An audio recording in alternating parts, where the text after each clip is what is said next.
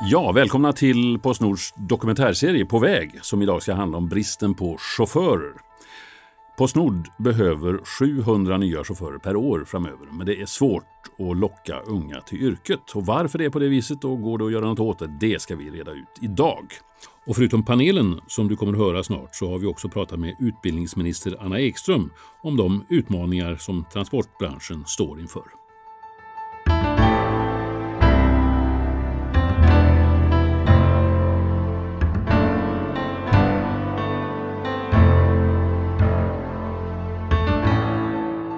Men först ska vi träffa en av Postnords många chaufförer, Angelica Astvik som jobbar på Årstaterminalen.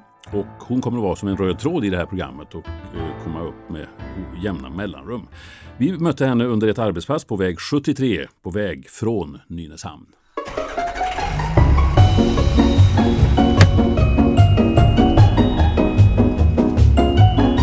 Ja, ja nu är det måndag. Jag glömmer alltid bort att det är måndag. Men eh, det är en dag som alla andra för mig och jag blir bara lika glad varje dag jag kommer till jobbet. jag blir faktiskt det när jag väl kommer fram till jobbet. det är en ganska, det är en trevlig miljö att komma till. Vi är ju så många arbetskollegor på jobbet och alla, jag tycker alla de flesta är glada och vi har en, eh, en fin eh, sammanhållning och en fin eh, det är en, en, liksom en god eh, stämning på vårt jobb. Ja.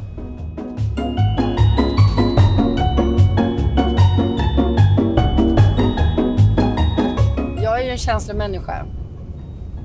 Eh, så jag visar gärna och säger gärna vad jag känner.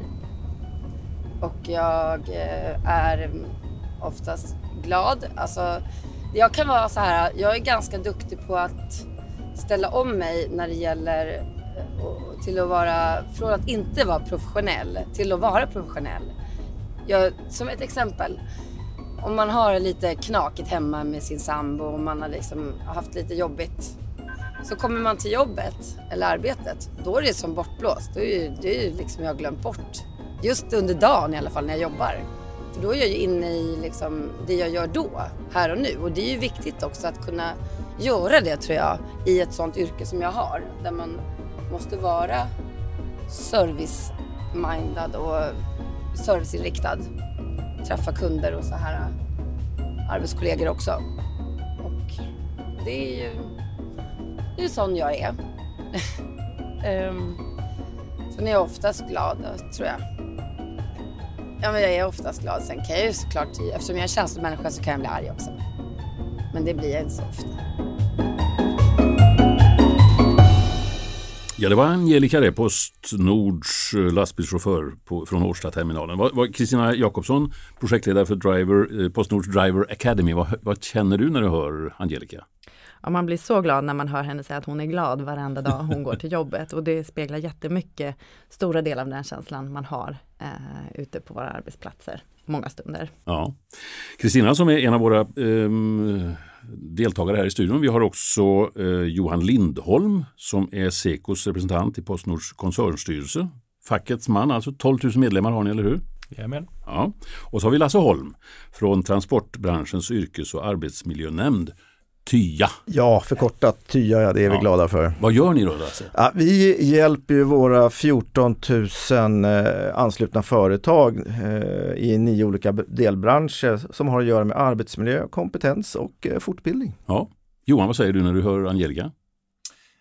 Jag håller med, jag blir också glad naturligtvis. Vi vill ju att våra medlemmar i Postnord ska trivas på jobbet, så att det är jättekul att höra. Ja, Lasse, springer alla till jobbet och är glada varje dag? Nej, det är väl klart att det inte är så, men min bild av lastbilsförare generellt, det är att man är väldigt, väldigt positiv till det man håller på med. Sen finns det naturligtvis massa utmaningar, självklart. Kristina, det, det som du håller på med då, Driver Academy, vad är det inom Postnord? Det är en satsning som Postnord gör tillsammans med Arbetsförmedlingen med stöd av Tillväxtverket för att säkerställa att vi har eh, chaufförer och anställda för att täcka vår brist inom det här yrket. Då. Och det är väldigt eh, besvärligt för att det går inte att få chaufförer i den utsträckning som ni vill. Nej, så är det. Och eh, utbildningen tar en stund eh, och vi har valt att i det här sammanhanget rikta oss mot en yrkesgrupp som har svårt att få jobb då. Så vi utbildar nyanlända eh, för att eh, kunna bli chaufförer som vi sen kan anställa hos oss då, när de är klara. Mm. Vad är de vanligaste anledningarna till att man inte vill bli chaufför? Då? Det tror jag är ganska svårt att säga, men jag tror arbetsmarknaden idag är en marknad där man tänker mycket på sitt individuella uttryck och många unga som eh, utbildar sig idag, de utbildar sig ju för yrken som kanske inte fanns eh, för en stund sedan. Eh, och de vill eh, kanske bli ehm, eh, ja, de kanske vill jobba digitalt eller de vill jobba internationellt eller så. Eh, mm. Så jag tror att det handlar mycket om att arbetsmarknaden förändras idag. 700 chaufförer per år framöver, det är ju jättemycket. Mm. Eh, vad händer om ni inte får det då? Ja, om vi inte får det så kommer vi ju inte kunna lösa våra uppdrag. Men jag tror nog att eh, någonstans så kommer man ju hitta en väg att eh, lyckas i, i, alla fall. Men eh, det är inte bara vi som har brist på chaufförer utan det är, det är branschen i stort som också kämpar för att få de här som vill jobba som lastbilschaufför. Mm. Lönen, är det en, ett skäl också att folk inte vill bli det kan det säkert vara, absolut. Det finns ju eh, jobb som har eh, mindre inträdeshinder om man säger, som kanske kan ge högre löner eller större flexibilitet. Johan, vad säger du då? Vad är det för skäl som gör att eh, folk inte vill bli chaufförer? För det, eh, vi hörde ju Angelica, hon älskar ju sitt jobb. Ja, jag tror det finns eh, gott om folk som vill bli chaufförer egentligen, men ehm, det är klart vi hade önskat fler, ännu fler. Eh, jag tror ett skäl är att eh, lastbilsyrket bland yngre som inte idag är lastbilschaufförer ehm, har haft ett dåligt rykte under väldigt lång tid. Eh, man förknippar det kanske mycket med eh, folk som kommer från Östeuropa och, och, bor i sina lastbilar och har dåliga arbetsförhållanden. Så ser det naturligtvis inte ut överallt, men det, det är naturligtvis ett problem. Sen är det också så att vi är inne i en högkonjunktur, vi har en låg arbetslöshet och det påverkar naturligtvis också eh, möjligheten att kunna rekrytera folk. Mm. Eh. Lönen, hur, vad sa du om den? Lönen är också viktig naturligtvis. Eh, det är den man jobbar för. Ehm, Postnord har relativt låga ingångslöner eh, om man inte jämför med branschen eh, när det gäller chaufförer. Vi har ingångslöner, samma ingångslöner för brevbärare och chaufförer och man kan hos en konkurrent få en ingångslön på 30 000 kanske och vi ligger på 22 5 ungefär. Det är klart att man, man får se över den biten också. Kristina, vad säger du om det? Jag tror att det, det som är viktigt att tänka på eh, det är att man vad man kan erbjuda som företag. Lönen är ju en faktor i en anställning. Men det här med långsiktighet, utvecklingsmöjligheter och att vara en trygg arbetsplats där saker och ting går till på rätt sätt. Det är ju det som, det som vi har möjlighet att erbjuda och där håller vi ju inte på med några konstigheter. Eh, så arbetsvillkoren är som de ska och man har sina rättigheter och det tror jag är viktigt för många också. Men lönen är ju en eh, väldigt viktig faktor i alla fall. Ja, och jag tänker så här att eh, om, du jämför en säsongsanställning på ett företag som har ett jättestort behov som de behöver lösa kortsiktigt med en tillsvidareanställning. Då, då tror jag att, det, att man sitter i de här övervägandena om, om säkerhet och trygghet jämfört med en kortsiktig vinst. Eh, och vill man jaga lön och pengar, då kommer man alltid kunna göra det. Och då kan man till exempel också titta på andra yrken än att bli lastbilschaufför. Det finns alltid de som alltid jagar högre löner. Mm. Vi ska ta och träffa Angelica igen. Eh, jag vet inte riktigt var hon är med sin lastbil men någonstans är hon. Varsågoda, här kommer hon.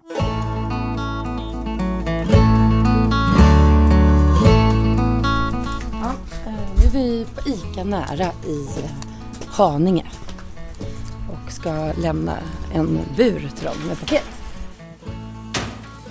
Angelica! Tjena! Får en bur idag? Ja, vad skönt. Du får två av mig. Oj, men vad snällt. Dubbelt upp. Yes. Ses imorgon.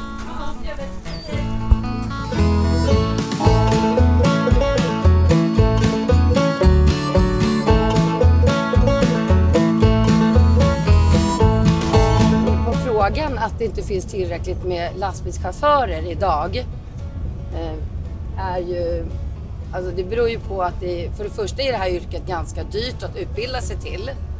Det är en av anledningarna. Eh, sen Arbetsförmedlingen har ju några sådana här driver där de tar in att man får ta ett lastbilskort, ett C-kort som eh, gratis genom Arbetsförmedlingen och det är ju väldigt bra men det finns inte tillräckligt med resurser så att eh, det är delvis därför som att det inte är många som, som tar lastbilskort. Sen är det ganska, sen har vi det här med ett ganska tungt jobb och många människor är lite mer bekväma och, och, jag, är ju, och jag är ju mycket både social och gillar att röra på mig så att för min del jag, jag, i det här passar ju det här mig, mig väldigt bra, det här yrket. För att det är ju lite skillnad från att sitta på ett kontor och inte röra på sig. Det, det funkar för en del men jag tror att det är... Och idag också tänker jag på unga människor. Jag har haft några elever så här. De känner inte för att arbeta på det sättet. Det, det, de tycker om själva tanken att köra bil, köra lastbil. Det är en ganska tuff grej just för tjejer också. Har jag hört att de... Eh, vi har ju fått mer och mer tjejer in i vår bransch och man märker att det, det, de tycker att det är lite häftigt för att de hör ju att killar tycker det också är lite häftigt. Att det blir mer av samma, eller av olika kön. Och mer tjejer framför allt. Vi har ju, majoriteten är fortfarande män men unga människor idag har suttit mycket med, med, eh, skär, med, eh, framför skärmar. Och de har det i sig att vilja sitta ner framför skärmar. Och de är väldigt duktiga på det också. Jag tror att de eh, tycker det är lite för ansträngande att ta ett sånt här yrke. Bland annat.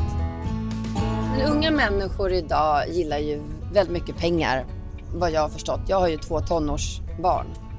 Och, eh, och jag har ju både träffat dem och deras vänner och hört deras resonemang om hur, eh, huruvida man ska, vad man ska arbeta med. Och helst ska man inte arbeta alls. Så jag tror att det är lite mycket intressen styr och det är ju också lite bekvämt också att arbeta med ett eh, stort intresse man har. Det är så jag ser det på det. Man, det är inte så att man inte sliter ut kroppen när man jobbar med kroppen hela dagarna, vilket vi gör. Förutom när vi sitter och kör bakom ratten. Men vi, jag har ju ett jobb där är, som är liknande distribution. Alltså vi åker på många, vi har flera olika stopp under dagen där vi träffar med kunder och det är det som är det trevliga i yrket också. Och eh, att man då rör på sig, man lastar och lossar varje stopp man kommer till och vi har ju uppåt 20-25 stopp per dag minst däromkring. Och eh, under de Eh, stoppen så rör ju vi på oss väldigt, väldigt mycket. Och det kan vara ganska tungt ibland också. Så därför gäller det ju att hålla sig i form. Jag tränar ju på gym och så för att just bygga upp muskler runt om. För det är ju väldigt enformigt att dra fram och tillbaka tunga, tungt gods helt enkelt. Eller bära paket gör vi också idag på ombuden. Vissa, inte alla postombud, men vissa postombud har inte plats för våra burar och därför måste vi plocka ur paketen och lämna över dem till postombudet och personalen. Och ta tillbaka de tomma burarna för att de inte ska stå i vägen.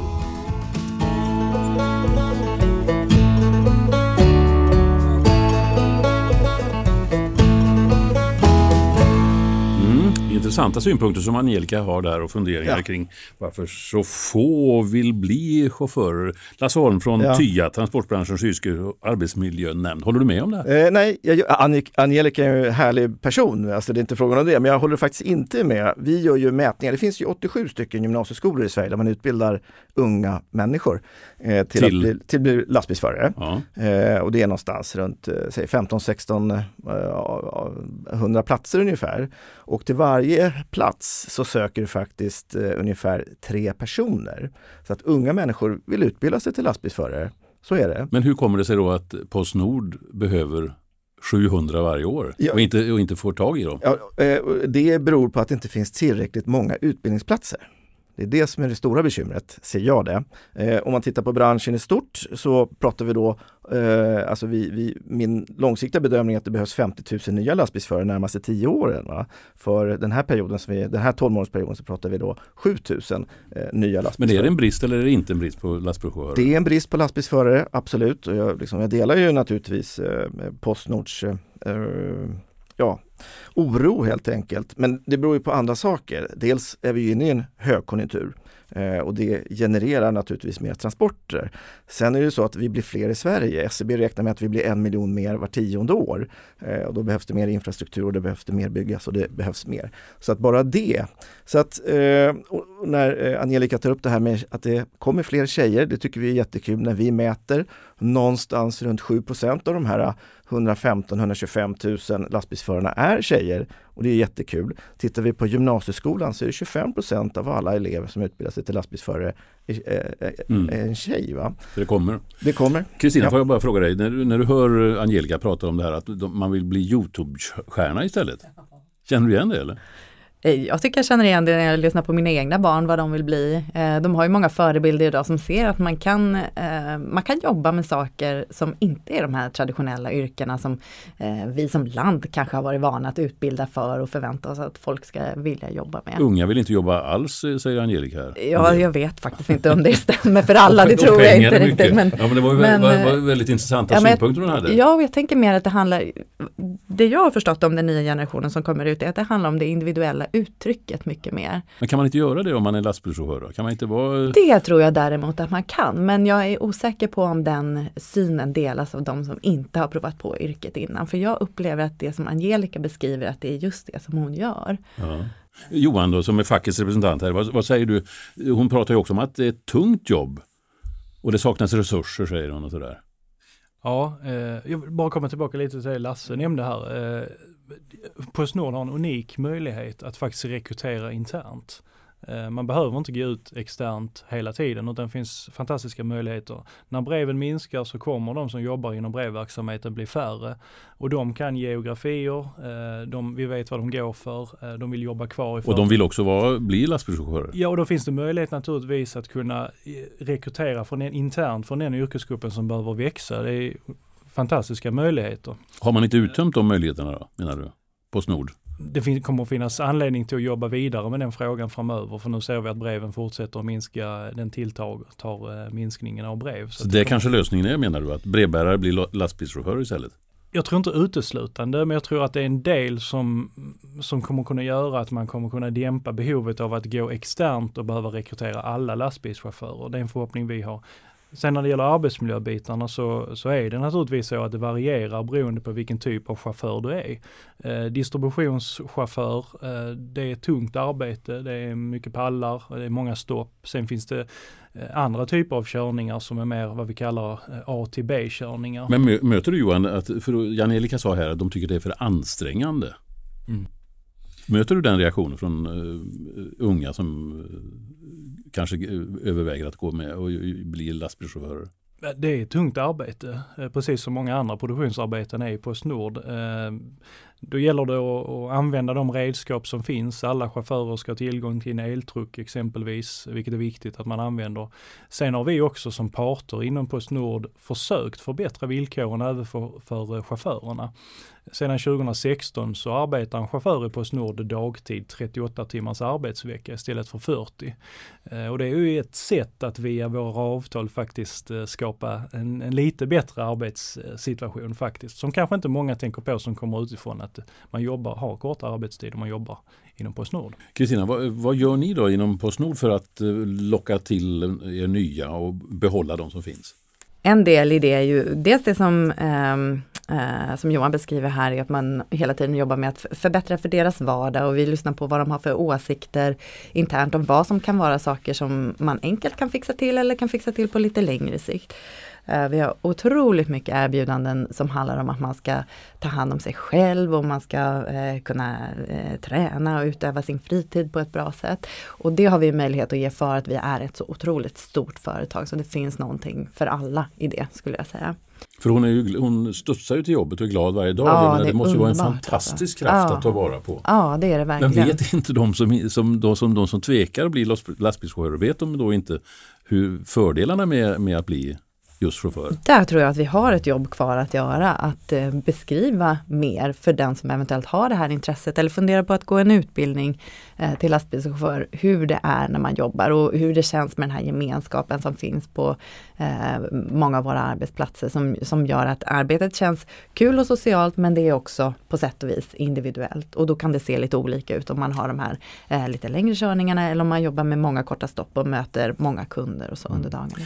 Lasse, vad är den vanligaste fördomen då? Eh, om, om, du kommer ju från, från eh, transport Eh, branschens yrkes och arbetsmiljönämnd. Vad är den vanligaste fördomen när det gäller eh, att bli lastbilschaufför?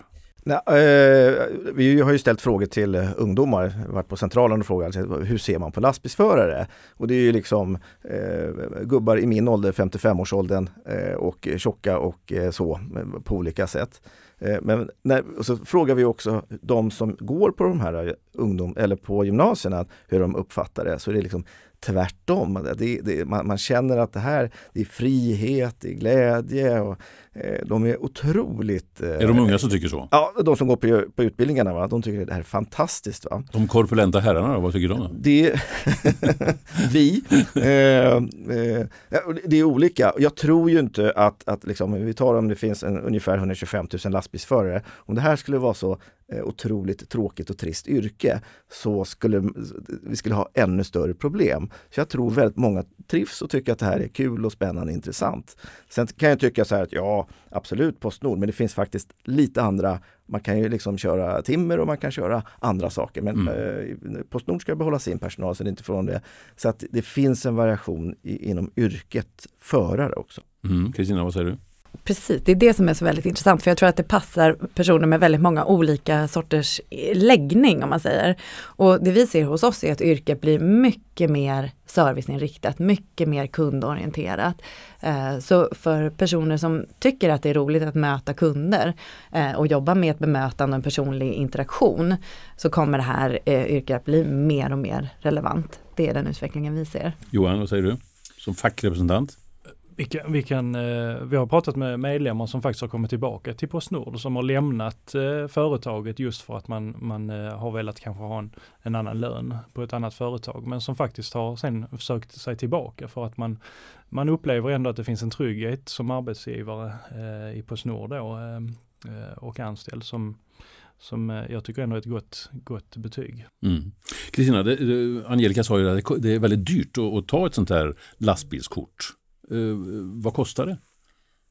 Det vet inte jag om jag kan svara på, det kan säkert du svara på uh, mer detalj. Det, det, det, kan alltså det finns ju tre sätt att utbilda sig mm. till lastbilsförare. Dels genom gymnasiet, dels genom kommunal vuxenutbildning och dels genom, om du skulle råka vara arbetslös, genom Arbetsförmedlingen precis som Angelica mm. nämnde. Men, men vi, på alltså, egen hand också, eller hur? Ursäkta? Visst kan man göra det på egen hand också? Ja, naturligtvis, ja. men vi, vi det, alltså, körkort är en sak, men vi pratar om en, en yrkesutbildning som det, det är liksom något helt annat. Det ska ju liksom till några andra saker. Svårt att säga, men äh, ska du gå, göra det själv, inte vet jag, 60-70 70 000. Mm. Men det finns ju liksom kommunal vuxenutbildning där man kan gå då eh, och få CSN-lån. Mm. Vad händer med en, en, om, det nu, om det nu är en brevbärare ja. som, som, blir, som inte får något jobb på, som brevbärare och vill bli lastbilschaufför. Vad, vad händer med den då med, inom Driver Academy? Ja, och då är Driver Academy inte satsningen för dem, utan Driver Academy det är vår externa satsning så att säga, som vi gör för att också eh, göra en samhällsinsats mot den här målgruppen nyanlända. Men internt så har vi också eh, mekanismer för den som vill utveckla sig till lastbilschaufför internt och då går det till som en vanlig karriärutveckling. Man tar en dialog med sin chef och sen så eh, lägger man upp en plan därefter. Så då behöver man inte lägga ut de här 60-70 000 kronorna själv då? Nej, eh, alltså eh, vi har ett erbjudande till den som eh, vill ha eh, en sån så utveckling. Så där finns det möjlighet att utbilda sig till, inom ramen för sitt jobb alltså? Ja men det gör det och sen så ska man vara medveten om att det är ju inte så att eh, eh, jag tror att man ska vara medveten om att det är ett annat jobb än att mm. vara brevbärare. Men vet, det måste vet brevbärarna om det? Vet de anställda i Posten om det? Att man kan vidareutbilda sig och bli, bli lastbilschaufför? Ja det tror jag att de gör. Ja. Mm. Men ändå är det svårt att få, få, få dem att göra det alltså? Få dem att ändra sig och bli, bli chaufförer? Ja men det är ju också det att det är en det är en resa. Jag tror inte att alla eh, till exempel eh, kan eh, gå en utbildning vid sidan av jobbet utan jag, jag, tror ändå att det finns de som, som har svårt att utveckla sig från sin yrkesroll på grund av att man sitter i strukturer som kanske har med familjen att göra eh, och så. Så vi försöker möjliggöra så gott vi kan. Eh, men, men det är ändå så att situationerna är ofta individuella. Vad säger du Johan? Vad, vad möter du för reaktioner när det gäller anställda som vill byta jobb, kanske bli chaufförer? de medlemmar vi har pratat med som har gått exempelvis från brevbäring till chaufför, som vi har pratat med i efterhand har trivts väldigt bra eh, med den, den övergången och de eh, hade aldrig velat gå tillbaka. Eh, jag tror det finns en, eh, en en försiktighet i att göra den här övergången. Alltså det är stor skillnad att cykla runt på en cykel exempelvis eller köra en liten postbil, att sen köra en lastbil. Eh, det vi gärna vill se eh, det är att man, man får prova. Man kanske får åka med en vecka och prova och känna på det här arbetet eh, och där man känner och ser att det här skulle jag nog kunna klara av. Och då kanske det i sig gör att fler är beredda att göra den här, hoppa på det här erbjudandet. Sen kan jag säga att kan man det idag då Kristina? Att man får vara med och prova? Ja. Jag, jag vågar inte svara på det. Vi är så stort företag och det kan nog se olika ut men jag tycker det är en jätte, jättebra... Du antecknar där så att ja, du håller med dig. Jag tycker det är ett jättebra förslag. Ja. Ja. Sen tycker jag det, det här är en, ett jättebra exempel på en vinna-vinna situation. Eh, när vi, har, vi, vi kommer behöva minska antal anställda i en viss del av företaget och att du då kan faktiskt få en betald eh, kompetensutveckling och därmed säkra eh, ett fortsatt arbete i företaget. Eh, för den enskilde personen är det jättebra. Sen kan man säga för företaget är det ju naturligtvis jättebra också för det är mycket billigare att betala 70 000 och utbilda någon och ta exempelvis C eller CE-körkort än vad det är att betala en omställning enligt de avtalen vi har. Eh, det är betydligt dyrare så att det, det finns en, det är en vinna-vinna situation om man kan få igång det här. Om man kan få det på ett bra sätt och vad ja. kostar en rekrytering om man står utan och vad kostar kompetensbrist? Det är ju svårt att ha exakta summor på det men mm. Jag ser att det är högt upp på din lista den Kristina som du har med dig mm. härifrån. Mm. Lasse, mm. Eh, jag tänkte på det här, ibland hör man ju att ja, om 20 år så har vi självkörande lastbilar. Och vem vill då utbilda sig till eh, lastbilschaufför om det sitter en robot och kör? Och det där möter ju vi, va? vi möter ju, vi jobbar mycket mot lokalpolitiken för vi vill att det ska vara fler utbildningsplatser. Vi möter den diskussionen mm. eh, och vi bemöter den på det sättet att ja, det kommer att hända, men inte kanske i den tids, utan eh, zonen som du sa, utan bortåt 20-40 år. Men det kommer inte starta med eh, eh liksom lastbilstransporter, utan det kommer ju starta med eh, knepiga, där knepiga arbetsmiljö, gruvor, terminaler, hamnar och den typen. Och mer inom personbefordran. Alltså. Men det är inte någonting som du tror att hämmar eh, tillgången på chaufför idag? Eh, nej, och det kommer, det kommer behövas också om vi ska lösa den här uppgiften om 50 000 nya lastbilsförare närmaste tio åren så kommer sådana tekniska lösningar att behövas. Eh, det vi ser det är att, att liksom föraryrket idag och om tio år kommer vara helt olika. Precis som vi var inne Kristina var inne på att, eh, att möta kunder som omsorg. Va? Det kommer ju liksom, om vi tar yrket i stort då, eh, så att, att liksom lämna saker hemma hos folk i en mycket högre eh, grad och lämna i bakluckor på bilar, det kommer liksom öka. Eh, samtidigt då som den tekniska utvecklingen eh, över lite mer långa transporter kommer kanske vara mer av övervakande karaktär som förare. Det, det, så att yrket lastbilsförare kommer inte vara lika homogent utan det kommer vara olika eh, i förhållande till idag. Det är eh, vår bedömning att det kommer se ut på det sättet. Och då måste ju liksom utbildningssystemet liksom, och eh, ja, företagen vara med på att det är så här det kommer se ut. Jag möter ju eh, motsvarigheter inom eh, ute i Europa där man liksom ser att liksom lastbilsföraryrket kommer försvinna. Men jag tycker att de gör fel liksom, eh, analys helt enkelt. Det kommer vara på ett annat sätt, ja. Mm. Ska vi ta och uh, åka ut i lastbilen igen till Angelica och höra vad, vad hon har tagit vägen?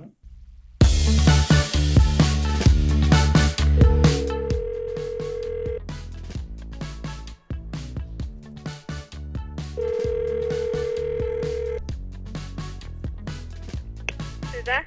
Ja, hej Frida, var Angelica Postnord här ute med paket. Ett kommer. Tack. Hej.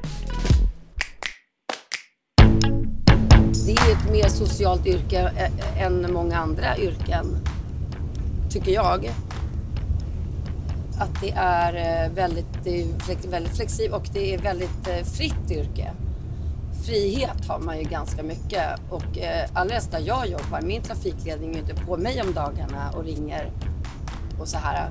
Och är det någonting så har man hjälp och det är också väldigt positivt att man vet att man alltid har stöd och hjälp från dem om det skulle vara så att man inte hinner med eller om man inte får med sig någonting. De får, ser alltid till att en backup, en bil som kommer och hämtar det som inte jag får med eller som jag inte hinner med. Eller mycket sånt som är positivt i just, på just Postnord, alltså där jag jobbar på Årstaterminalen. Den trafikledningen är ju väldigt hjälpsam.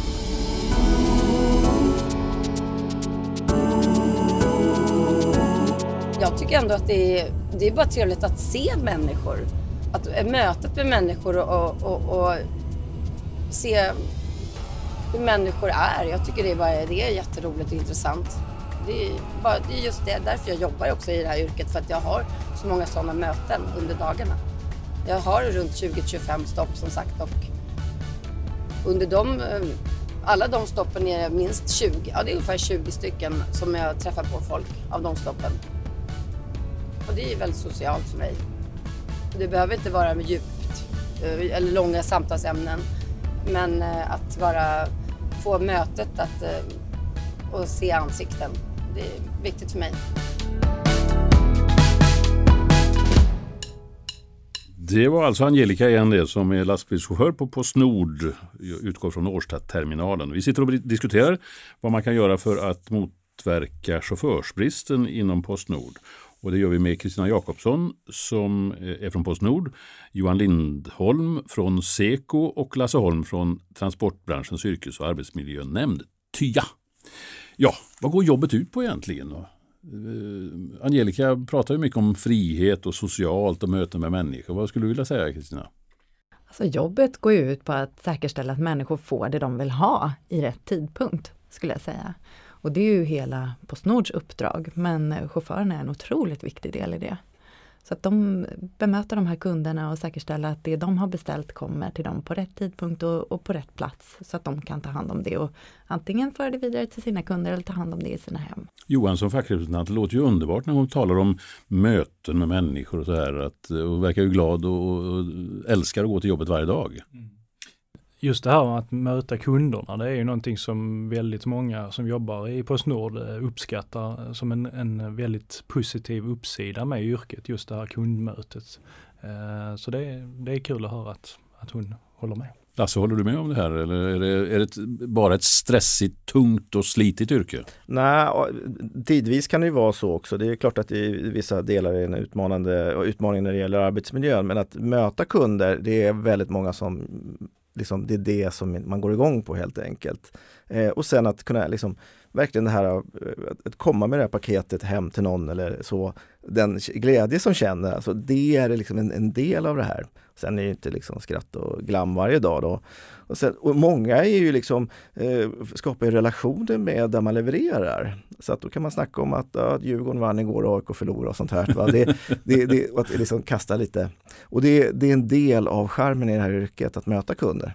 Vad är de värsta arbetsmiljöproblemen då inom, eh, inom chaufförsyrket? Eh, det,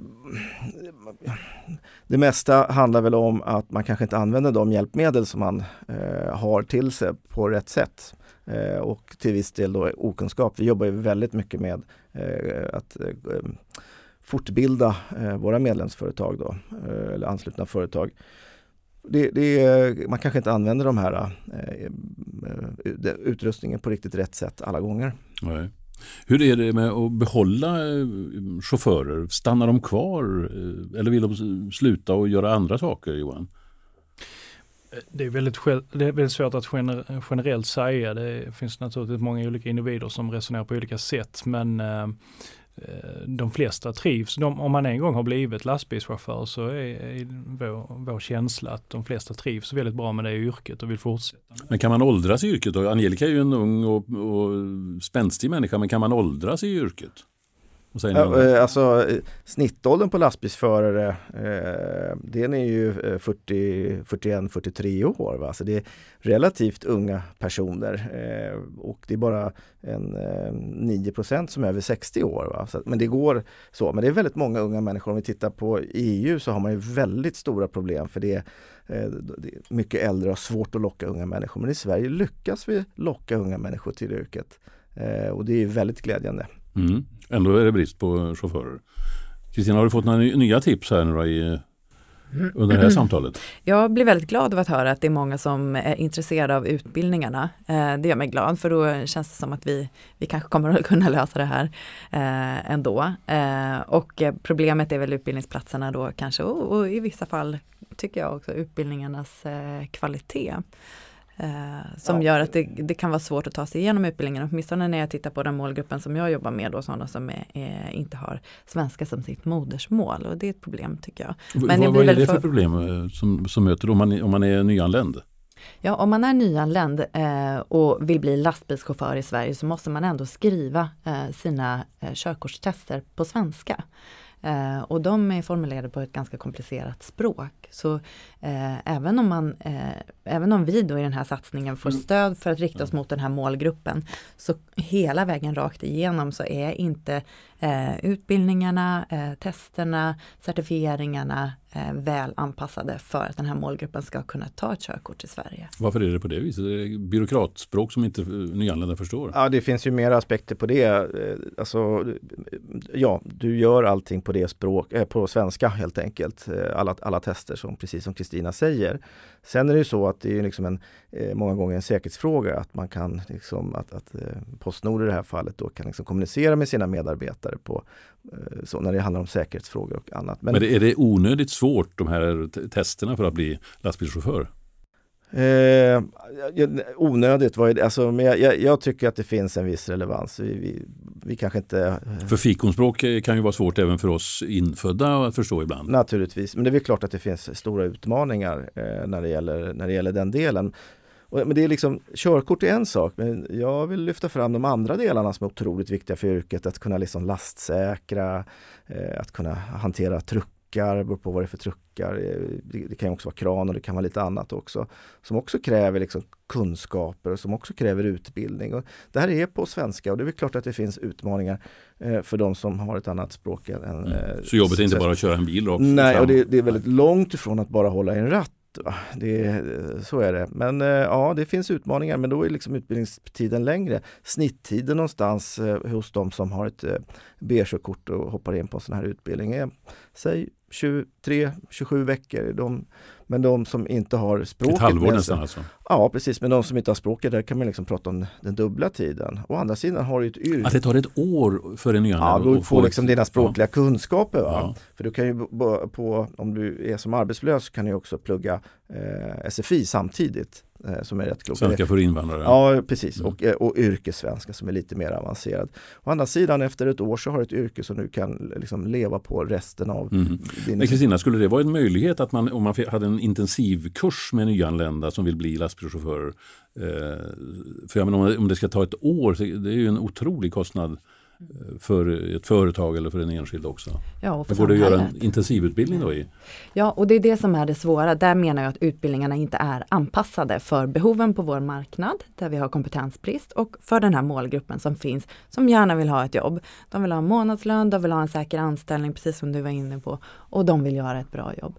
Så att vi ser ju att det är en fantastisk arbetskraft, men vi ser att det finns många saker i systemet omkring hur man tar hand om den här mm. arbetskraften som skulle verkligen behöva förbättras. Det låter som att det går att göra mycket där, Johan. Ja, och jag instämmer det som Lasse tar upp här. Det är en sak är ju själva utbildningen, men sen när det kommer ut på arbetsplatserna så är det jätteviktigt att man kan säkerställa att man faktiskt uppfattar vilka säkerhetsrutiner som finns och vilka arbetsredskap. Här tycker jag man borde ännu, ännu tydligare arbeta med, ja dels att, att säkerställa att man verkligen har uppfattat informationen, men också kanske ibland ha speciellt informationsmaterial på, på andra språk om det krävs för att just förbättra säkerhetsarbetet. Vad säger ni andra om det? Lasse? Ja, det är, nej, men det, det är helt rätt va, Johan, men alltså utbildningarna de är på svenska och eh, så att ja. Jag tänker mer när man ja, kommer in på arbetsplatsen absolut, sen och absolut, absolut. ska lära sig rutinerna. Ja, absolut. Jag instämmer. Ja. Mm. Ska vi uh, höra var Angelica tagit vägen? Lasse, undrar du inte över det just nu? Jo, precis. Vart är hon på väg? Nu är vi i Örby och eh, på Örby slott och gott och ska lämna en bur till dem med lite, lite paket i. Hejsan! Är det bra? Det är bra själv. Ja, det går bra. Jag tänkte eh. höra hur det ser ut med returer. Bra, tack för idag! Ha det bra!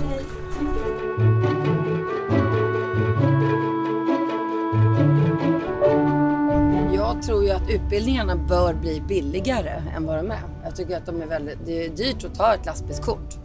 Och finns inte resurser eh, som eh, kommunen eller som staten eller som, som kan erbjudas till människor som idag fortfarande görs via Arbetsförmedlingen. Men finns inte tillräckligt så behövs det ju mer chaufförer såklart. Det gör det ju. Och hur det ska gå till det är väl mer att jag tänker att många har ju inte råd att ta ett lastbilskort. Det är ju som att... Ja. Men det är runt 50 000, eh, kanske till och med mer idag, eh, att ta ett lastbilskort, C-kort. Så att eh, det är mycket pengar. Och det, man behöver ju gå både, ta olika kompetenser som, eh, det är inte bara C-kortet utan det är ju, det kan vara bra att ha ett truckkort också. Och det kostar ju också pengar. Sen har vi YKB, det kostar ju pengar men det är ju ofta arbetsgivaren som betalar yrkeskompetensbeviset för att kunna få köra i yrkestrafik. Annars får man inte köra.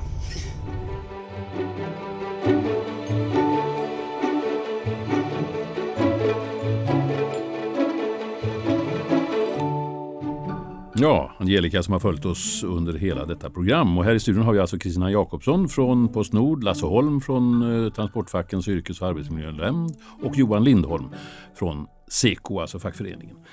Ehm, ja, vad ska vi säga här eh, Lasse? Är det, eh, Angelica tar ju upp det här att det är dyrt och det kostar mycket och besvärligt att skaffa sig ett lastbilskort.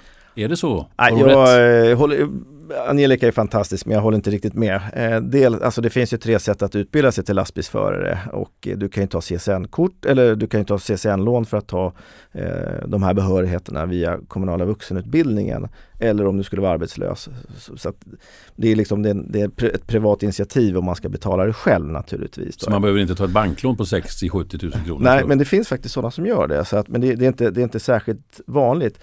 Våra utmaningar eh, Postnord och företag har eh, i den här branschen det är att eh, det är för få utbildningsplatser. Det finns personer som vill utbilda sig till lastbilsförare men det finns för få utbildningsplatser och det jobbar vi väldigt mycket Hur många utbildningsplatser har vi idag? Då eh, runda slänga 3 500 på de här tre utbildningssätten. och hur lång tid tar det att bli lastbilschaufför? Ja, för gymnasiet så tar det ju liksom det tar ju sina tre, tre år, tre år va? men det är, det är massa annat. Men eh, på kommunal vuxenutbildning någonstans eh, 30 veckor, de, det är ett halvår mm. man pratar om. Eh, och när det handlar om arbetsmarknadsutbildning eh, så kanske det är ja, bortåt en 25-27 veckor. Men det hänger ju också ihop med Ja, alltså du, du, får ju, du, får ju, du får inga körkort utan du måste ju ta körkort. Du får ju möjligheten att ta körkort helt mm. enkelt. Och vår, eh, vår gemensamma långsiktiga utmaning är att det behövs 50 000 nya lastbilsförare den närmaste tio åren. Så att bara i år om man säger så pratar vi 7 000 nya lastbilsförare. Är I, hela landet, ja. I hela landet, mm. i, alla, i alla delbranscher. Då. Och Postnord då Kristina, ni behöver, hur många lastbilschaufförer behöver ni varje år framöver? Vi räknar med eh, någonstans runt eh, 700 personer per år. Och hur är det att få tag i dem idag då? Idag är det ju svårt eh, och det är därför vi har det här initiativet där vi eh, riktar oss mot eh, personer som inte har jobb för att utbilda dem till att bli lastbilschaufförer och för att sen kunna anställa dem. Och vi har också interna initiativ som handlar om att man kan eh, att man kan utbilda sig internt till att bli lastbilschaufför mm. om man sitter på ett annat Men om man är arbetslös idag nu då och mm. hör det här, ja. då kan man ta kontakt med er? Ja, då ska man ta kontakt med sin arbetsförmedling. Eh, och på de orter där vi startar det som vi kallar för Driver Academy då, så kommer man att kunna eh, vara med om en sån urvalsprocess. Och hur, hur är det ekonomiskt då för de som vill utbilda sig till lastbilschaufför? De som, är, som ingår i Driver Academy de får ju ett aktivitetsstöd från Arbetsförmedlingen under tiden så då har de en slags försörjning och det är inte på något sätt lukrativt för dem utan eh, de vill ju så snart som möjligt komma in i arbete såklart. Mm. Eh, och de som jobbar hos oss redan och vill utveckla sig internt, de har ju sitt eh, vanliga jobb och så utbildar man sig vid sidan Så om en brevbärare vill bli lastbilschaufför så finns det möjlighet då att få göra det inom er regi? Ja, det finns en, eh, det finns en möjlighet till det för våra medarbetare, det stämmer. Mm, tror du att det är lösningen, Johan, på, från, på bristen på chaufförer? Jag tror inte det löser alla problem. Eh, men däremot så är det en möjlighet, en unik möjlighet för Postnord som bolag att faktiskt utnyttja det faktum att en yrkesgrupp behöver bli, bli mindre i antal och en behöver öka. Att det finns möjligheter för intern rörlighet för de som är intresserade och då måste man aktivt jobba med det. Skapa eh, ett intresse för det exempelvis genom att kunna prova Eh, sen måste det naturligtvis bygga på någon form av frivillighet man inte tvingar folk. Så man kan, man kan alltså få åka med en annan chaufför? Ja, jag vill gärna säga att eh, det, det ska vara en naturlig del av eh, möjligheten att väcka ett intresse och, och, och, att man får den möjligheten. Om man är osäker på vad, vad innebär det här arbetet, om man är tveksam men ändå är väldigt nyfiken. Så att man får den möjligheten. Och det finns bra möjligheter, inte minst på de arbetsplatser där man faktiskt nu, numera har samlokaliserat chaufförer och brevbärare exempelvis, där det borde mm. kunna finnas goda möjligheter till det. Vad, vad, är, vad är fördomarna då? Är det många som är rädda för att ta lastbilskort? En stor maskin och man ska backa och krångla? Nej, alltså det är, det är liksom själva körandet av lastbil, det är inte särskilt liksom svårt avancerat. Eh, det är... ja, man kan ju tycka en stor, det är en jättestor eh, fyrkantig Många säger att det är lättare att köra lastbil än att köra personbil. Ja. Och eh, jag kan väl hålla med till viss del. Jag skulle själv tycka att det var lite risky att ta, köra en sån stor bil med med högt flak eller stor skåp. Ja, det är ju rätt häftigt att sitta högt upp men du är välkommen att hänga med och så får du se och kanske du får pröva också på något bra ja. ställe där man kan göra det. Men det är inte, det är inte sånt som avskräcker människor menar jag? Det vill jag, nej, utan alltså ungdomar och många vill utbilda sig och liksom till lastbilsförare. Det, det vi hörde Angelica sa tidigare här att eh, ungdomar vill bli Youtube-stjärnor och de vill helst inte jobba alls, de vill tjäna mycket pengar. Det, det, kan ju vara en generalisering kan man väl säga, eh, eh som är lite väl grov. Men när vi, de mätningar som vi, som vi genomför och vi frågar skolledare så är det så att eh, det är ungefär tre stycken sökande på varje plats att utbilda sig till lastbilsförare. Jag ska bara, en liten grej ska skicka med. Av de eh, som går ut eh, den här utbildningen på gymnasiet så tar 80 eh, gymnasieexamen. Och det är alltså det näst högsta av alla gymnasieprogram. Så att de är, de är otroligt drivna de här kidsen som kommer från de här utbildningarna. Mm. Kristina, mm. är du förvånad över att eh, så många söker sig till utbildningen? Jag blir jätteglad av att höra det. Ja, men är du förvånad? Eh, jag är lite förvånad faktiskt. Eh, eftersom att vi sitter med den här kompetensbristen så är jag lite förvånad. Samtidigt så har vi också samarbete med vissa av de här skolorna. Men hur, hur kommer det sig då att eh, Postnord söker med ljus och lykta efter chaufförer och du säger att det är inga problem att få, få det är tre, av, tre på varje utbildningsplats? Det, alltså det, det, finns för få utbildningsplatser, det är det som är utmaningen och det är för få på komvux och det är för få på gymnasieskolan. Vad gör man åt det här då? Ja, vi jobbar mot eh, lokalpolitiken att man ska skjuta till mer medel. Eh, för det här är ju kids som utbildar sig, Eh, och får jobb och stannar på orten och det är otroligt viktigt. Eh, det är visserligen den ut, dyraste utbildningen som finns på gymnasiet men de börjar betala skatt eh, samma dag som man kastar upp studentmössan i luften. Va? Så de, de är otroligt liksom, eh, produktiva för den enskilda kommunen som har de här utbildningarna. Mm. Johan, får jag fråga dig här. Vad är, hur, är hur ser villkoren ut för lastbilschaufförer inom Postnord? Det beror på vad du menar med villkor. Det finns många olika... Alla villkor. Alla villkor. och arbetsmiljö. Vilka, eh, jag vill säga så här att eh, jag tror ändå att eh, många, många chaufförer upplever Postnord som en, en trygg arbetsgivare. Det har jag när Statens kaka är liten men säker sa man förr i världen. ja det vet jag inte men, men det finns, finns en trygghet och det, det, tror jag är, värt mycket. Ehm, sen som jag sa, när det gäller villkoren, jag ser gärna att man ser över löneläget. Jag tror det är en viktig del, inte bara för de man rekryterar, men kanske också de som jobbar. För det är klart Vad tjänar en lastbilschaufför inom Postnord? Eh, svårt att säga exakt, men eh, våra medlemmars snittlöner ligger på mellan 25 och 26. Och vad borde de ligga på då? Ja men som jag sa tidigare, om man kan gå in hos en konkurrent och tjäna 30 000 i månaden så är det klart att det, det blir svårt för Postnord att konkurrera med, med lägre löner. Men det är som jag sa, det finns andra villkor för våra chaufförer som man kanske inte alltid tänker på. Och det är viktigt att, att poängtera. Men, ehm, Ska vi höra med Kristina, vad säger, vad säger du om det här lönediskussionen? Jag tänker att vi har ju Johan här från, från facket så att han gör ju fel om han inte säger att vi ska höja våra löner. så att jag är väldigt glad att han lyfter upp det. det, är klart att det... Men är det en tänkbar möjlighet för er att, att höja statusen på yrket genom att höja lönerna? Nej. Det var tråkigt att vi inte fick en löneförhandling. Det hade varit väldigt roligt. Jaha, hur, men hur ska man få folk att stanna kvar i yrket då? Vad, vad säger du Kristina, har du några funderingar på det? Jag tror att eh, det handlar mycket om att fortsätta eh, utbilda i det här med eh, arbetsmiljö och säkerheten så att man tar hand om sig långsiktigt i yrket och att vi som arbetsgivare blir ännu, ännu bättre på att förstå hur vi ska ta hand om våra medarbetare långsiktigt i yrket.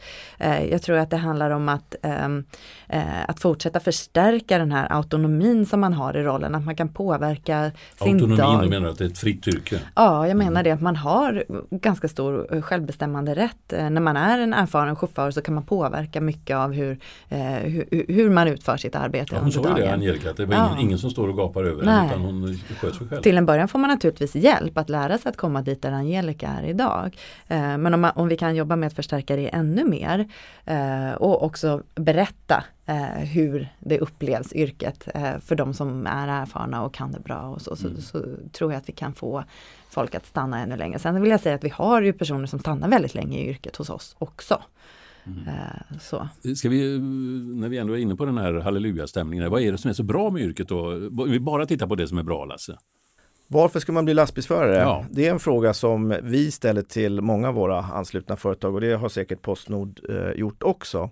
Eh, jag tror att frihet, ursäkta mig, frihet är en del, eh, precis som Ange- Angelica beskriver, det ingen chef och sen att man är ganska rörlig, man, eh, så, det händer saker. Eh, och sen har man faktiskt ett stort ansvar mot eh, eh, både sin arbetsgivare naturligtvis men eh, det godset som, är, som man för med sig och, och liksom för över till då den som ska ha godset. Man känner ett ansvar där. Sen har man ju ett ansvar runt omkring. Jag tror att det tillsammans och sen är det ju naturligtvis sådana som säger V8 det är ganska mysigt när det mullrar och sånt här då. Jag går inte själv Och igång på V8, det. det är, då talar vi om motorerna. Motorer ja, och det är ett särskilt märke också som just har dem och tycker det är spännande och intressant. Så att många eh, av de här 115-125 000 lastbilsförarna har ju som en, som, en, som en livsstil att vara lastbilsförare naturligtvis är det så. Och eh, ja, jag vet inte hur man har inom Postnord men många där går man inte in med, med, med skor in i, in i lastbilen överhuvudtaget utan det är toffla på. Va? Så att det, det, det finns en livsstil runt det här som är rätt intressant. Då då. Eh, det är någonting i det här som är spännande och intressant.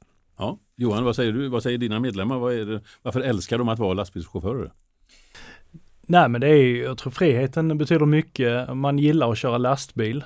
Eh, Det är någonting som också är, är betydelsefullt. Eh, sen, jag vill bara, bara nämna det här, jag pratade om lönen. Eh, Det finns andra Det saker. blir en också. löneförhandling ändå. Fast jag vill inte, jag vill inte just gå in på lönen igen utan jag, jag vill bara säga att det finns andra, när vi pratar arbetsmiljö, att det är ett tungt yrke. Vi har, om man är chaufför och har 20 års sammanhängande anställning på Postnord, så den månaden du fyller 58 år så har du möjlighet att anta ett erbjudande som heter 80-90-100, att du kan gå ner och jobba 80% för 90% betalt 100% avsatt i tjänstepensionen. Och de här 80% beräknas ju då på den arbetstidsförkortning på 38 timmar i veckan. Vi menar att det är någonting som finns i vår kollektivavtal som jag ändå vill, vill slå ett slag för, att det är någonting som inte våra konkurrenter har, som en möjlighet att faktiskt gå ner i arbetstid och få en drägligare arbetsmiljö de sista, potentiellt sista sju åren man jobbar. Så att eh, bara för att nyansera det här som jag tog upp med löner, även om lönerna är naturligtvis en jätteviktig del i, i ens eh, arbete. Mm. Nu över till vår reporter som har åkt till Utbildningsdepartementet i Stockholm. Anna Ekström, utbildningsminister, stort tack för att du vill delta i Postnords dokumentärserie På väg. Ja, tack för att jag får vara med. Branschen uppger att de behöver rekrytera 10 000 chaufförer de närmsta 10 åren, enligt TYA bland annat. Hur ser regeringen på chaufförsbristen? Vad får det för konsekvenser för Sverige? Det Tya tar upp är väldigt allvarligt. Vi har en stor brist på chaufförer och vi har dessutom en stor brist på väldigt många yrken. Man kan säga så gott som alla de yrken som man utbildar sig till på gymnasieskolans yrkesprogram är det en stor eller jättestor brist på. Så att eh, vi måste göra mer för att säkerställa att vi får fler chaufförer och då är det en hel del vi kan göra i regeringen men också mycket som branschen kan göra. Vad, vad ligger på din priolista just nu? Ja, en sak som vi tyvärr fick nej på från riksdagen, det var ju att vi gick till riksdagen och föreslog att alla yrkesprogram skulle bli högskoleförberedande. Eh, vi vill ju att ungdomar ska veta att man kan söka de här utbildningarna utan att behöva vara orolig över att man stänger dörrar. Eh, men jag, ska, ska vi lyckas med den här stora saken som det innebär att rekrytera så många, både yngre och äldre, till till, till exempel chaufförsyrket, då måste vi jobba ihop. Och branschen måste se till att ungdomar och äldre fattar vilka roliga, häftiga, spännande och bra jobb det finns. Det, kan, det måste faktiskt branschen göra själva. Eh, Arbetsförmedlingen har en ersättningsmodell till utbildningsföretag idag som innebär att de ger ersättning per vecka eh, och elev, då eleven befinner sig i utbildning så att säga. Det eh, menar vissa förhalar utbildningarna. Det kan försena antalet färdigutbildade som blir klara. Arbetsförmedlingen har ju själva inte visat några signaler på att de vill ändra den modellen. Hur tycker du själv att det funkar? Ja, det som är mitt ansvarsområde det är att se till att yrkesutbildningarna funkar och också att eh, vuxenutbildningarna till de här viktiga yrkena funkar. Som det är nu så är det ju faktiskt fler som utbildar sig till gymnasieskolans yrken via komvux än vad det är via yr vanliga yrkesgymnasierna. Och jag jobbar stenhårt för att det ska bli fler platser i de här utbildningarna. Till exempel har vi ju särskilt öronmärkta pengar för eh, transportutbildningar. Och det här är en fråga vi kommer att följa mycket noga. Den är högt upp på regeringens priolista och den står också omnämnd i det här januariavtalet med Centern och Liberalerna. Vi ska fortsätta bygga ut Kunskapslyftet och skälet till att vi ska det är ju att det är en sån himla stor brist på, folk, på, på utbildad arbetskraft. Ja, för jag menar, det, även Svenskt Näringsliv har ju gått ut i bred offensiv och, och lyft den här frågan. Det är ju inte bara chaufförer som det saknas mycket eh, på arbetsmarknaden. Varför händer ingenting? Det händer jättemycket. Eh, vi, utbyggnaden av Kunskapslyftet är ju uppe, på väg mot 100 000 platser. Vi har byggt ut yrkeshögskolan på ett sätt som saknar motstycke i historien. Och vi har också satsat mycket på inte minst yrkesutbildningarna. Vi har också världens chans nu när vi har fått många nyanlända till Sverige där vi har eh, också skrivit in i januariavtalet att vi ska jobba mer med yrkessvenska och olika former av svenska för invandrare som man kan kombinera med yrkesutbildningar. Så det är mycket på gång, men mer måste göras och jag tror vi har allt att vinna på att jobba ihop. Regeringen, eh, myndigheterna och inte minst fack och arbetsgivare i branscherna. För branscherna måste vara med och branscherna måste vara de som förklarar för unga och äldre vilka, vilka bra jobb det här är. För att det ska vi nog inte, det tycker jag inte är ett jobb för regeringen att tända människors längtan och kärlek efter ett yrke. Är, är verkligen Arbetsförmedlingen rätt instans när du ändå var inne på komvux här? Alltså är, är det rätt instans för att tillhandahålla och kvalitetssäkra chaufförsutbildningar? Borde inte rekryteringsutbildningarna utföras och styras på samma sätt som annan vuxenundervisning inom ramen för komvux eller liknande? Ja, det där är en fråga som arbetsmarknadsministern måste svara på. Men inom ramen för Kunskapslyftet så kommer vi att, eh, så ser jag att vi gör mer och mer av den, den, den, utbildning som behövs för arbetsmarknaden. Det är faktiskt en stor förändring under, jag har varit eh, ansvarig för de här frågorna i regeringen i två och ett halvt års tid nu. Och det är en stor förändring att vi inom vuxenutbildningen tar större och större hänsyn till arbetsmarknadens behov. Och det är en väldigt välkommen förändring som välkomnas av facken, av Svenskt Näringsliv och av många arbetsgivare. Den är helt nödvändig. Branschen, bland annat Postnord, menar att utbildningarna som finns idag inte alltid är anpassade för nyanlända. Eh, delar du den uppfattningen? Ja, jag, jag, tycker vi måste göra mer för att se till att, att eh, de nyanländas förutsättningar, att vi verkligen anpassar efter det. Och jag vet att det görs mycket ute i landet och här vill jag verkligen uppmana också branscherna att lokalt och regionalt ta kontakt med Arbetsförmedlingen, ta kontakt med komvux, ta kontakt med SFI-utbildningarna. Eh, jag var till exempel i Nässjö på Jysk centrallager. Där har man arrangerat SFI-undervisning tillsammans med Jysk på ett sätt som gjorde att de som gick SFI-undervisningen i princip omedelbart kunde få jobb på det stora lagret där man hade en jättestor brist på folk. Så det finns mycket stora möjligheter att jobba tillsammans lokalt här. Är, är det det du menar är bristen, att det är språkförbristningar eh, som gör att nyanlända inte kan tillgodogöra sig utbildningens innehåll? Ja, ofta är det så att eh, man måste kunna rätt så ordentlig svenska inom en del yrken. Det är ganska stora krav som ställs. Ta till exempel ett... Eh, in, inom transportyrket är det helt uppenbart. Men ta till exempel vårdbiträde, undersköterska. Man måste kunna rätt många medicinska termer. Och risken om man fattar fel och inte kan svenskan tillräckligt bra är ju jättestor. Det är stor risk för patienter eller medtrafikanter eller, eller liknande. Så att här måste vi se till att de som kommer till Sverige får en bra start med SFI men också att de får en bra start in i arbetslivet. För ju förr man börjar jobba desto snabbare lär man sig svenska. Antalet utbildningsplatser är för få idag. Många som konstaterar det, även du. Eh, Alltså, nu sa du själv att fönstret stänges för eh, att det ska kunna bli högskoleförberedande. Vad, vad ska ske nu då? Jag kommer att streta vidare med de här frågorna. Eh, det här är frågor som är oerhört angelägna för Sveriges framtid och för väldigt många människor. Och eh, jag kommer att streta vidare med de här frågorna. Jag kommer att kämpa för att yrkesutbildningarna ska bli mer populära, inte minst bland unga människor. Jag kommer att kämpa för att bygga ut vuxenutbildningen. Jag kommer att kämpa för att yrkeshögskolan ska ha en fortsatt fin utveckling som den haft hittills. Och jag kommer också att kämpa hårt för att tillsammans med branscherna se till att unga och äldre fattar vilka bra jobb man kan få när man går yrkesutbildningarna. Och också säkerställa att den som har gått en yrkesutbildning ska ha alla dörrar öppna efteråt så att ingen är rädd för att gå den vägen. Men är det inte att alla vill bli influencers idag och ingen vill bli chaufför? Är det därför vi ser en så stor brist? Så kanske det är. Och då skulle jag vilja säga att den som ska bli en riktigt bra influencer tycker jag ska gå en transportutbildning. Tänk vilken unik och spännande podd man kan göra om man har den bakgrunden jämfört med ja, en bakgrund utan en transportutbildning. Anna Ekström, utbildningsminister, stort tack för att du ville vara med. Tack själv. Är det något mer ni vill tillägga nu? Annars tänkte jag runda av. Jag tänkte bara fråga dig Kristina, om du nu, nu sitter det några som tänker, ja, ska jag bli lastbilschaufför, kan det vara något för mig? Vad, vad, har du att säga till dem? Nu har du en unik chans att möta dem. Ja, om man är intresserad av det så tycker jag att man ska prova på de här kandidaterna som jag möter inom Driver Academy, de som har kommit nya till Sverige, de säger att det som gör att de vill göra det här, det är att de vill göra människor glada eh, säger många. Så vill de komma ut i samhället naturligtvis. Eh, men jag tror att det, det, handlar mycket om det också, det här att man, man lämnar någonting till någon som den personen har väntat på och då blir det ett väldigt positivt scenario i de allra flesta fall. Och vad gör de? De ringer ett nummer eller mejlar en adress eller vad gör de?